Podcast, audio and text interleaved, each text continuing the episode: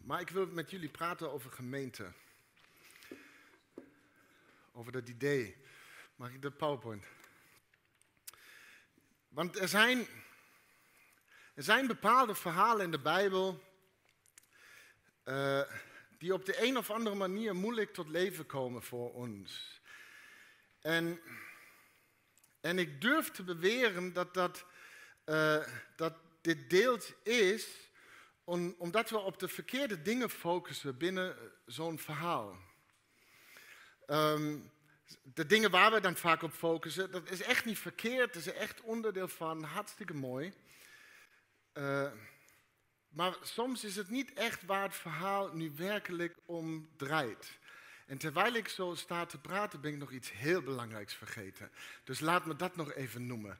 Na de dienst is er allerlei lekkere dingen, omdat we dachten we willen eh, even eh Janneke eh, vieren en ook daar een beetje nog een momentje van maken en het verwelkomen van onze nieuwe staf. Dus we hebben allerlei lekkere dingen na de dienst.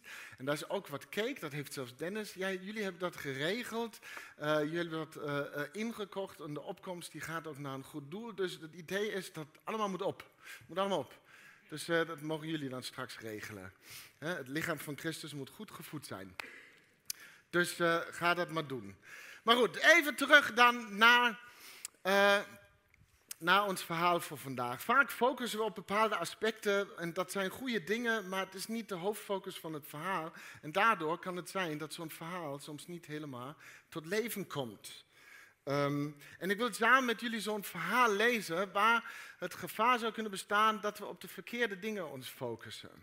Dus laten we lezen in Handelingen 3, de versen 1 tot en met 10. En helemaal aan het eind zal ik jullie vertellen wat ik denk waar dit verhaal werkelijk om draait. Dan lezen we het volgende. Op een dag gingen Petrus en Johannes, zoals gewoonlijk, omstreeks het negende uur naar de tempel voor het namiddaggebed. Men had ook een man eh, die al sinds zijn geboorte verlamd was naar de tempel gebracht. Hij werd daar elke dag neergelegd bij de poort die de Schone heet, om te bedelen bij de bezoekers van de tempel. En toen hij zag dat Petrus en Johannes de tempel wilden binnengaan, vroeg hij om een kleinigheid. En Petrus richtte zijn blik op hem, evenals Johannes, en zei: Kijk ons aan. En de bedelaar keek naar hen op, in de verwachting iets van hen te krijgen. Maar Petrus zei: Zilver en goud heb ik niet. Wat nou niet echt een kleinigheid is volgens mij. Uh, maar zilver en goud heb ik niet. Maar wat ik wel heb, geef ik u. In de naam van Jezus Christus van Nazareth, sta op en loop. En hij pakte hem bij zijn rechterhand om hem overeind te helpen. En onmiddellijk kwam er kracht in zijn voeten en enkels. Hij sprong op, ging staan en begon te lopen. En daarna ging hij samen met hen de tempel binnen, lopend en springend en godlovend. En alle tempelbezoekers zagen hem lopen en hoorden hem God loven. En ze herkenden hem als de bedelaar die altijd bij de tempelpoort had gezeten. En waren buiten zichzelf van verbazing over wat er met hem was gebeurd. Even een stapje, stapje terug. We zien in, dit is, dit is handelingen wat we hebben gelezen, maar we zien ook bijvoorbeeld in het Marcus-evangelie, zien we dat er veel spanning of spanningen waren um, tussen Jezus en de tempel. Tempel is ook hier weer zo'n ding in dit verhaal, ook weer zo'n ja, een podium. Er waren veel spanningen tussen Jezus en de tempel. En de tempel dus als gevestigde re religie. Die de beweging van God, als we heel eerlijk zijn, ergens tot stilstand had gebracht. En in dit verhaal zien we dus, dan in handelingen, zien we dus deze spanningen zich voortzetten. Dus ook de apostelen en, en de, de, de nieuwe ontstaande kerk hadden zo hun spanningen met de tempel. Dus de tempel, hè, het symbool voor een gevestigd geloof van Israël. En, en aan de andere kant zien we dus dan deze irritante beweging, zo werd het door sommigen beleefd, deze irritante beweging van, van Jezus. Een revolutionair die het koninkrijk van God in, in ons verkondigde en de gevestigde orde enorm verstoorde. Dus de, de spanningen met de tempel waren al tussen Jezus, maar ze waren vervolgens dan ook weer met de vroege kerk en de apostelen. En deze spanning is soort van ingebouwd in ons allemaal. Het zit in ons allemaal en dat is een uitdaging die we ergens niet uit de weg kunnen gaan. Nu, nu hebben wij geen tempel meer als symbool van een gevestigde of van een gevestigd en georganiseerd geloof. Maar wij als kerk zijn ook een, een organisatie.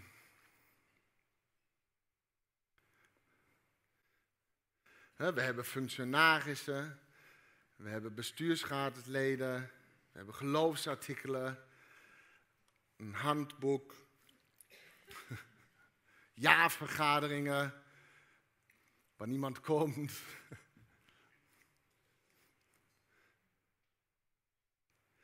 We, hebben structuren dus als het ware om ons gezamenlijk leven als gemeente vorm te geven. Wij zijn een organisatie. En, en dat is niet erg. Als het een als ergens een nieuwe verzameling van mensen ontstaat, zal het niet lang duren voordat ze ook beginnen zich als, als groep te organiseren. En, en opeens ben je een organisatie. Soms gebeurt het nog eens dat mensen zich met eh, enorm utopische gedachten losmaken als groep van een bepaalde kerk en, en echt heilig erin geloven dat zij de eersten zullen zijn die erin slagen om een geloofsgemeenschap te worden die zichzelf niet belast met structuren en organisatie, maar volstrekt dynamisch en flexibel gemeente zal worden, tot iemand een Excel-lijstje rondstuurt met een rooster voor wie de koffie zet aanstaande zondag. Ah, een organisatie. En het is echt nobel, deze gedachte, dit idee, dit streven. En het duurt vaak dus niet lang voordat er toch iets van een organisatie ontstaat. En het is niet erg om organisatie te zijn als kerk. Dat mag allemaal, het moet ergens in balans ook zijn. Hè? Denk bijvoorbeeld aan heiliging. We hebben het hier vaak over heiliging. En er zijn sommige mensen die zeggen, heiliging, ja, dat is wel alleen maar geestelijk. Alleen maar geestelijk. Heiliging is alleen maar geestelijk. En er zijn andere mensen die zeggen, nee, heiliging is alleen maar praktisch. En de dingen die we doen, uh, dat, dat is heiliging. En, en, maar het hoort allebei te zijn. Het is, uh, het is geestelijk en praktisch. Want als het helemaal alleen het een of het ander is, en het is uit balans, dan zijn ze allebei verkeerd. Dus het is allebei, het moet in balans zijn. We zien het zelfs in dit verhaal. Ze zeggen tegen hem in de naam van Jezus, sta op. Hartstikke geestelijk, zo'n beetje geproclameerd en toedeloe. Nee, ze reiken ze de hand uit en helpen hem overeind. Hartstikke praktisch. Het is een balans. Dus het is niet erg om een, uh, een organisatie te zijn als kerk. Dat heeft ook zo zijn voordelen. We zien in Handelingen 6 dat de vroege gemeente ook een organisatie werd. Er is deze ene groep die gefrustreerd is dat er niet voor alle weduwen wordt gezorgd. En de andere groep is boos omdat er helemaal niet voor hun weduwen wordt gezorgd. Dus wat doen ze? Er komt een jaarvergadering, ze creëren functies, er zijn moties en ze dealen met het probleem. En opeens waren ze dus een organisatie geworden. Het is dus juist de organisatie ergens die de missie van de kerk zou moeten helpen om in beweging te blijven.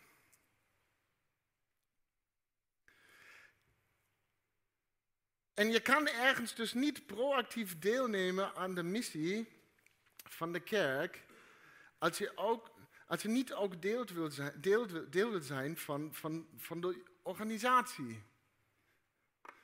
Zoals een jaarvergadering. het dient de missie. Dat zie je ook. Er was die zorg voor weduwen. Tjak, tjak, tjak. De organisatie heeft het probleem aangepakt. Maar het is ook een valkuil dat vele kerken ook kennen en wij hebben echt volstrekt geen last van. Er kan ons een manier van hoe we organisatie doen en zijn overkomen op het moment dat we deel worden van een organisatie. En dat is deze. We worden organisatorisch. Er is dus een spanning tussen organisatie zijn en organisatorisch zijn.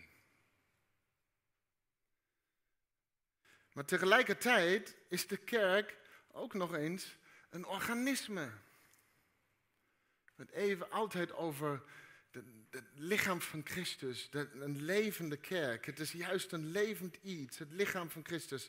Het heeft een, een kloppend hart. organisaties met alleen een kloppend systeem eh, als missie doen op een gegeven moment rare dingen zoals Nashville-verklaringen schrijven bijvoorbeeld. Om het systeem kloppend te houden. Want het organisatorische in zichzelf is opeens het doel geworden. Allemaal om het systeem kloppend te houden. Uh, maar een organisme met een kloppend hart heeft ook een, een, een organisatie nodig.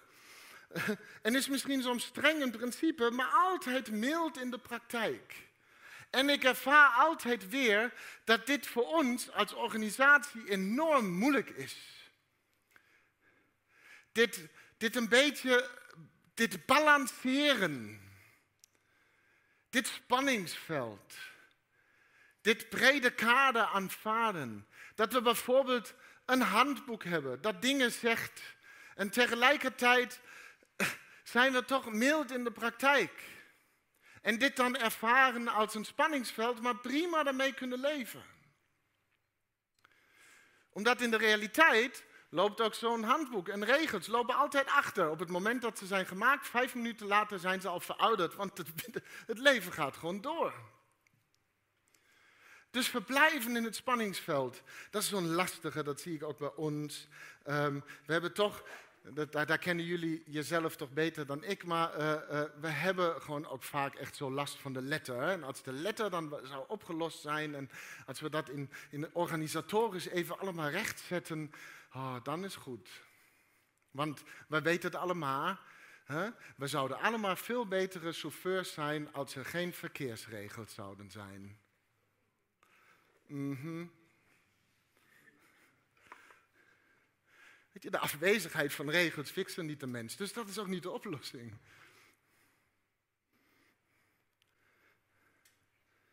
Dus streng in principe, maar mild in de praktijk. Want het leven van het lichaam van Christus kun je niet in een kloppend systeem verpakken. Het bloed van Christus stroomt door de aderen van dit lichaam. Het is in leven in deze wereld met al haar facetten. En toch hebben we vaak de neiging in al ons organiseren van onze levens om iets dat levend is te nemen en te proberen het ja, vaak onbewust minder levend te maken door het kapot te organiseren. Dus er is deze spanning waarin wij leven. We vinden deze spanning trouwens overal in de Bijbel. In Genesis 4 vinden we het in het verhaal van Kain en Abel.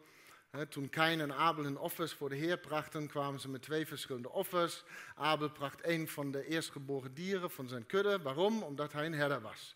En wat doen herders? Die zijn constant in beweging, want als, er gras op is, als het gras op is, moet je naar de volgende weide. En Kain, ja, die was landbouwer. Het offer dat hij bracht was van wat hij had geoogst. Dat betekent dat Kain dus een, een, boerderij had met velden. En als je een boerderij hebt met velden, dan is één van de dingen die je moet doen voorkomen dat je broer met zijn uh, kudde over, over je velden heen gaat grazen. Dus je bouwt hekken en je verdedigt je land, je organisatie. Het is verboden terrein. En interessant is vervolgens dus dat de aanleiding voor het conflict ook de plaats delict werd. En Kain werd met Abel, gaat met Abel het veld in en, en vermoordt hem daar. Dus al in het begin van de Bijbel zien we deze spanning in verband met een plaats. En terwijl we in alles een God zien die het hart lijkt te hebben van een wandelaar. Dit hart dat steeds weer zegt, ik wil dat jullie altijd bereid zijn om te gaan. hey, ben je bereid om te gaan? Laten we gaan. En dan, dan is er ons hart dat zegt, nee laat maar, we willen graag hier blijven, ons vestigen en het organiseren.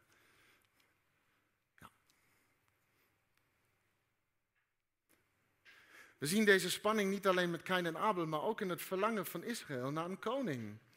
In het boek Rechters is God nog, uh, is God nog hun koning, het volk Israël heeft geen leger en daardoor was er onzekerheid in hun leven. En, en God is altijd bereid om te gaan, maar het volk wilde een koning. Want koningen zijn een teken van stabiliteit en controle. Dat is ook zoiets in deze tijd. We zien het altijd weer. Dat we op een of andere manier, uh, gisteren nog met een zwager van mij over gesproken, dat we op een of andere manier zijn altijd op zoek naar een redder. En dan hangen we weer iemand aan, dan popt er ergens weer een van de kerkje op en dan is die het voor een tijdje, en dan is die een tijdje, en dan die een tijdje. Altijd zo één persoon de focus en dan, dan is het een Trump en dan is het die en dan is het die en weet ik veel allemaal wat. We zijn altijd op zoek naar een redder, terwijl wij onze redder al kennen. Dacht je? Koningen zijn een teken van stabiliteit en controle. En daardoor zien we dus deze spanning ook in de tempelen. Op het moment dat ze een koning hadden, zien we dat het koning David en Salomo waren die het meeste verlangde naar een tempel. Eerst was het nog een tabernakel, een, een, mooie tent, de plaats waar de ark van het verbond stond. Een tent die je snel had ingepakt op het moment dat God zei, hey, laten we gaan. Maar David wilde een permanente rustplaats voor de ark van het verbond, zodat we nooit meer hoeven te verhuizen, zodat er een vaste plaats is en stabiliteit het verbond. Dus de verbinding tussen een bewegende God en mens kwam dus permanent tot rust. En ze verwaarden het met bestendigheid. Terwijl het langzaam verviel. En dat gebeurt gewoon in organisaties. Hè. We, we richten organisaties op en, en, we willen een bepaalde stabiliteit. Dus de tempel, boven alles, werd de belichaming van Israëls stabiel religieus leven. Ze hebben een tempel en dat betekent dat ze een volk zijn en, en zekerheid hebben. En toen ze de tempel hadden, deze permanente plaats, wat hadden ze opeens ook? Opeens hadden ze middelen. Omdat mensen uh, kwamen al hun offers brengen. Opeens waren er middelen. En nu is dus echt een organisatie nodig, zoals een kerk. Want er zijn middelen beschikbaar. En als je middelen hebt, moet je uitzoeken hoe je deze structureert. En als je uitgezocht hebt hoe je de middelen structureert, heb je mensen nodig die helpen te bepalen wat je daarmee doet. Dus uh, die een begroting opstellen en dan de begroting uitgeven. Dus heb je verkiezingen. En elke keer dat je verkiezingen hebt, krijgen sommigen meer controle en meer macht dan anderen. Maar weet je wat er gebeurt als je organisatie vooral organisatorisch wordt? Dan wordt dit alles wordt dan de focus van je, van je leven. Het onderhouden van de tempel.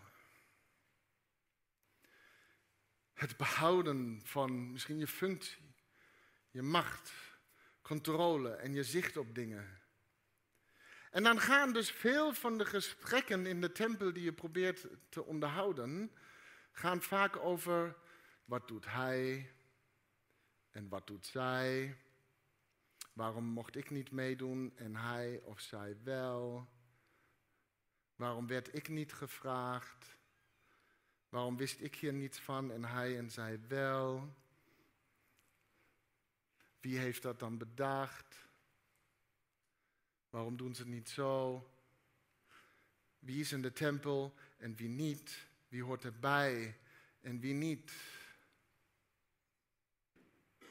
Want je wilt zeker weten dat de mensen die we kunnen vertrouwen, dat die binnen zijn. En degene die we niet vertrouwen, buiten blijven. Je krijgt in organisatorische organisaties dus heel veel politieke gesprekken. En misschien is nu al het kwartje gevallen bij je, maar wij voeren soms allemaal dit soort politieke gesprekjes. Waarom hij? Waarom ik niet? Waarom doet zij dat? Waarom werd ik niet gevraagd?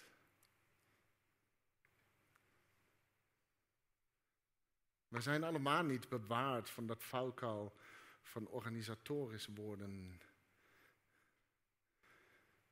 En het interessante is dus, hier is er nog zo'n ding, als we misschien bijvoorbeeld ergens ontevredenheid ervaren of iets voelt gewoon niet kloppend, dan stellen wij altijd organisatorische vragen.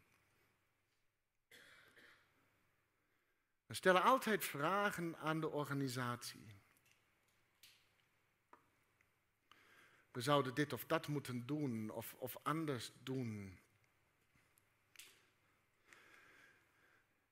En misschien ervaar je, oh, mijn, ja, mijn geestelijk leven bijvoorbeeld is niet meer wat het was. En vervolgens stellen we vragen aan de organisatie. Waarom stellen we geen vragen aan het leven? Aan jouw geestelijk leven? Of het gebrek ervan?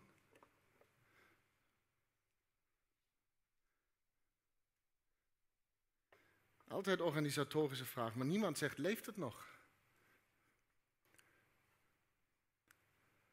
Dat is ook veel te ingewikkeld. Dat snap ik ook. We houden van het verenigingsleven, hè? goed georganiseerd. Een mooie scouting met een spirituele touch.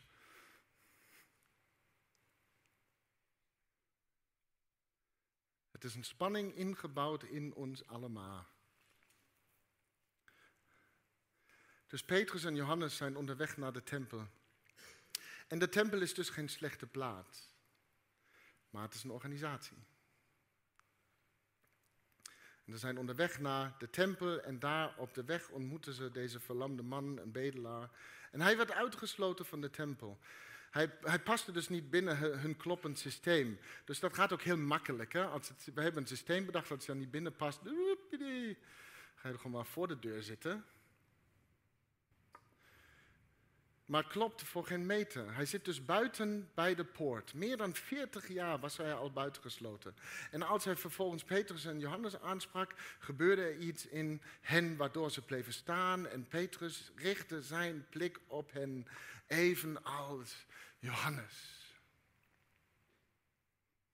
Dus in dit verhaal komen we een, een, tempel tegen die organisatorisch is en dood. En vervolgens komt het evangelie aangelopen. Maar dit is zo mooi van dit verhaal, dus dat moeten we niet missen. Want het evangelie komt niet in de tempel, maar het komt juist buiten, buiten de poort van de tempel.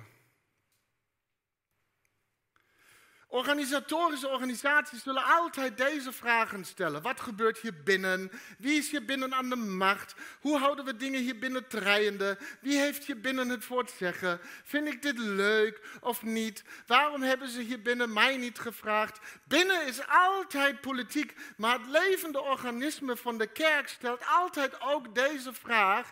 Wie is daar buiten? En daar komt het evangelie. Dus laten we ook organisatie niet zo vergeestelijken. Dat is gewoon dingen die we moeten doen om de club trein te houden, maar daarbuiten gebeurt het. Wie zit er in de tussentijd net buiten bij de poort?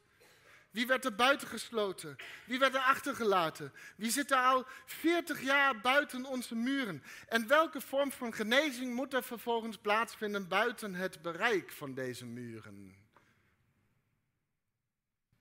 Dat zijn de vragen van het organisme. Nou begint het verhaal een beetje te leven. Of gaan we straks op de jaarvergadering heel organisatorisch Dennis wegstemmen? Opgelost. Weet je, als wij als organisatie organisatorisch worden, dan gaan onze vragen vooral over ons. Past dit bij mij? Wil ik dat? Werkt dit voor ons? Wat heb ik er aan? Wat levert mij dat op? Heb ik er zin in? Waarom heb ik geen macht? Waarom heeft deze persoon macht? Het worden vragen over wie is binnen en wie is buiten. En dat is precies wat het leven vormde van de tempel in de eerste eeuw toen Jezus kwam en sprak over een koninkrijk in ons. En dan later hebben ze dingen eruit geflapt zoals uh, je lichaam is de tempel. Hallo?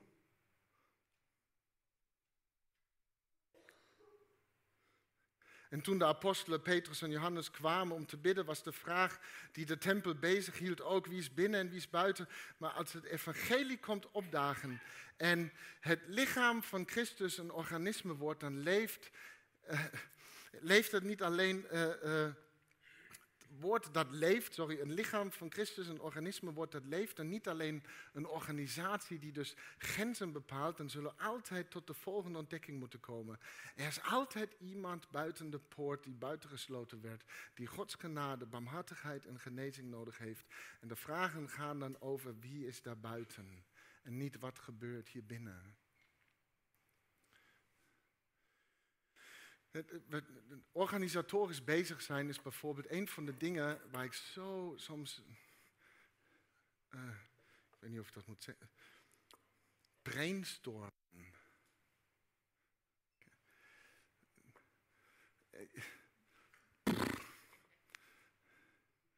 En dan zitten we bij elkaar en dan bedenken we met z'n allen allerlei opties en mogelijkheden. En dan krijgt een vervolg en moeten we nog verder. En we zijn in een proces om uit te zoeken waar we heen moeten. En dat is allemaal een beetje mm, zoeken en onderzoeken en bevragen. En dan vergeestelijken we het uiteindelijk nog. Dan moet er ook nog uh, keer voor gebeden worden en een versje zoeken wat erbij past. En dan, dan gaan we het allemaal opties bedenken. En elke keer gaan we weg van zo'n brainstorm en denken van, oh, het voelt zo goed, we zijn zo goed bezig. Wat we fantastisch bezig zijn, wij, ah, mijn brainstormt. Maar wat, wat is er in de tussentijd gebeurd na zo'n jaarproces? Precies, stilte, niks. Maar iedereen voelt zich geweldig, want wij zijn zo goed bezig. Als we maar meer opties kunnen bedenken van wat je allemaal in de wereld zou kunnen doen. Wat we allemaal zouden kunnen doen voor onze naasten. Nou, laten we daar nog een keer over nadenken. En die gedachte, dat is ook zo'n woord, verdiepen. Dan, moet het verdiept worden en dan gaan, dan gaan we verder verdiepen en brainstormen. In de tussentijd zit onze naaste te wachten. Terwijl wij ernaast zitten en brainstormen. Soms is het hartstikke goed, het moet in balans. Hartstikke goed. Maar het moet niet vervangen het idee van wij zijn goed bezig. Dus lees maar het boek Handelingen. Dan ging het opeens over wie is daar buiten? Wie hebben we buiten gesloten? Wat gebeurt daar buiten? Lees maar het hele boek Handelingen. Dit gaat je wegblazen. Handelingen 3 begint dus buiten bij de poort van de tempel. Daar kwam het evangelie. Een paar hoofdstukken verder verschijnen opeens heidenen aan de deur van de kerk. Jonge, jonge, jonge.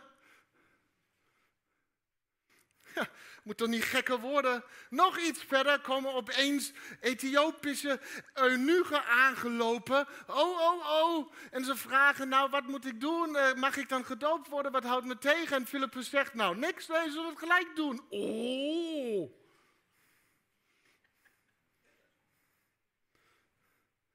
Dit is wat er gebeurt dus als het lichaam van Christus een levend iets wordt. Het brengt zijn leven niet door met uitzoeken en brainstormen hoe het zich volledig kan afsluiten van de rest door grenzen te bepalen, maar het is altijd in ontwikkeling. Elke kerk die van zichzelf vindt dat ze af is, heeft een mega probleem. Namelijk dat ze over een paar jaar waarschijnlijk weg is.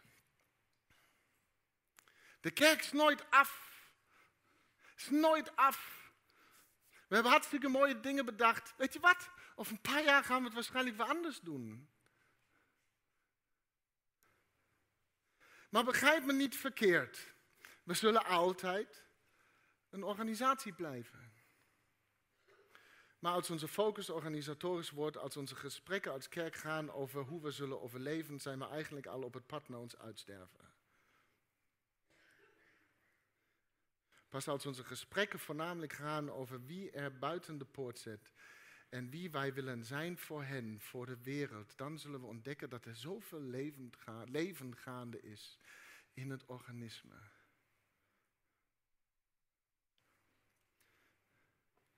En in Openbaring 3 vinden we dan een brief van Jezus aan de gemeente van Laodicea.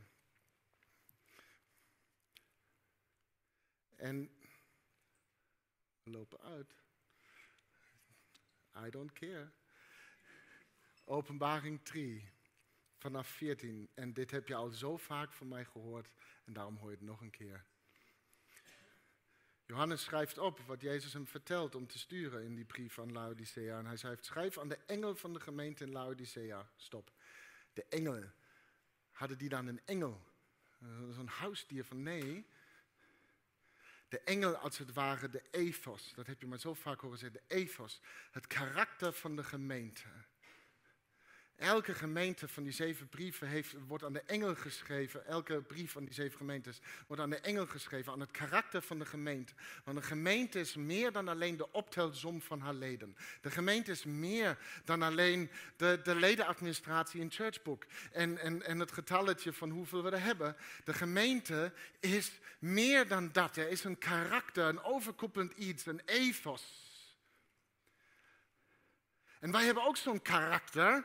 In het verleden stonden we vaak bij andere gemeentes bekend als een beetje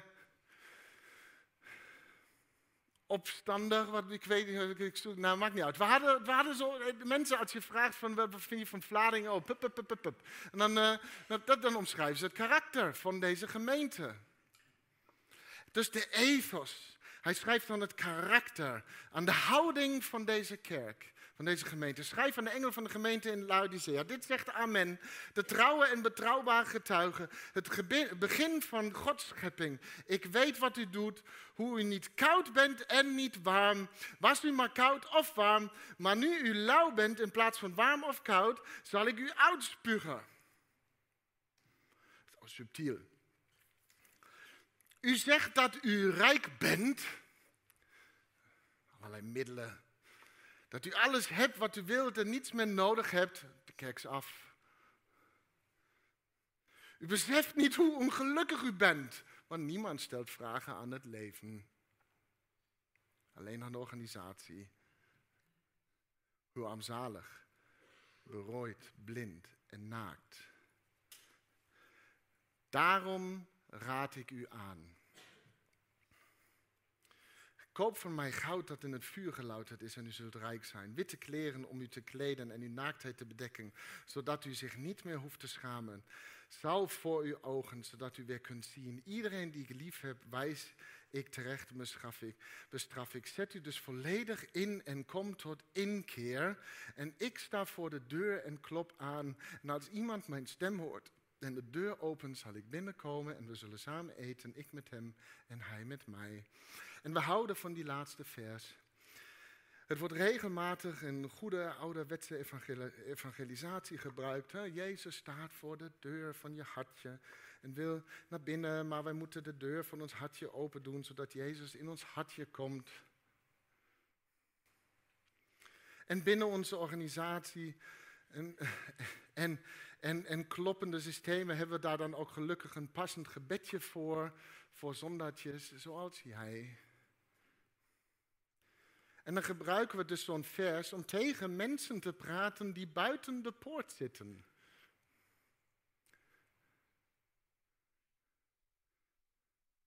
Maar laten we het kloppende systeem even iets minder kloppend maken. Want waar wij mee moeten worstelen is dat deze vers niet geschreven, versen niet geschreven zijn aan mensen die niets van Jezus wisten. Deze brief is geschreven aan een kerk.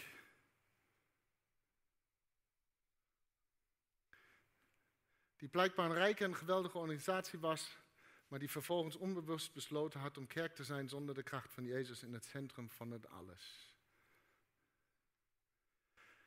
Dus Jezus staat niet, dat ook, maar Jezus staat niet aan de deur in deze tekst van het hartje van de zondaar die buiten de poort zit van de gemeente. Maar Jezus staat aan de poort te kloppen van de gemeente en zegt, jongens, mag ik ook weer meedoen. Hartstikke mooie organisatie. Maar het leven staat buiten hier voor de deur en klopt aan. Mag ik naar binnen komen? Dan gaan we samen eten. En dan gaat het leven.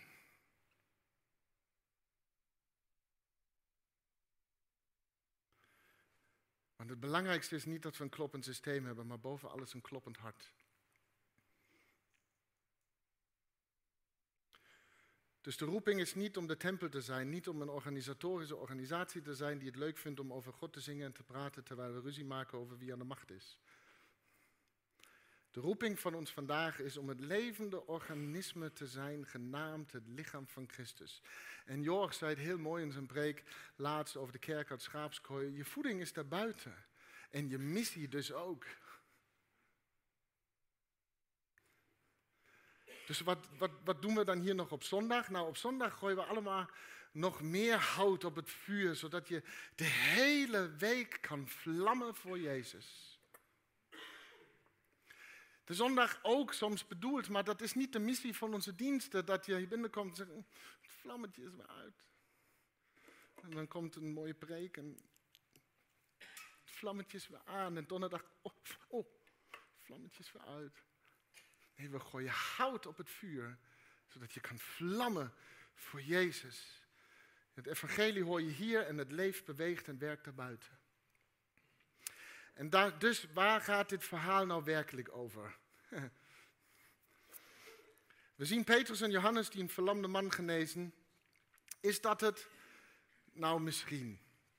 Maar dan lezen we dit. Alle kerkgangers zagen hen lopen en hoorden hem God loven, degene binnen. Ze herkenden hem als de bedelaar die altijd bij de tempelpoort had gezeten en opeens waren ze waar? Oh, buiten zichzelf. En van verbazing over wat er met hem was gebeurd. Hier is dus waar dit verhaal werkelijk om gaat. Alle tempelbezoekers, degene binnen, werden naar buiten getrokken. Weet je, genezing, supermooi. Goud en zilver hebben we niet, fantastische uitspraak. Ehm, maar dan dit, als het evangelie, als Jezus komt opdagen, met kracht en herstel en liefde en genade en genezing. En we hebben die liefde volgens mij allemaal geproefd en ervaren. Dan kunnen wij het gewoon niet meer binnenhouden. Het zal overstromen, helemaal buiten onszelf, over de muren heen. Dus onze neiging om stabiliteit te creëren, het te controleren, te, te organiseren, dat is allemaal poef. Want als je een beweging wil, moet je met chaos kunnen leven. En dan, helemaal buiten onszelf, zullen de wereld verbazen met Gods liefde die overal komt, omdat wij daar komen. Dus even kijken of we dat georganiseerd krijgen. Amen. Amen.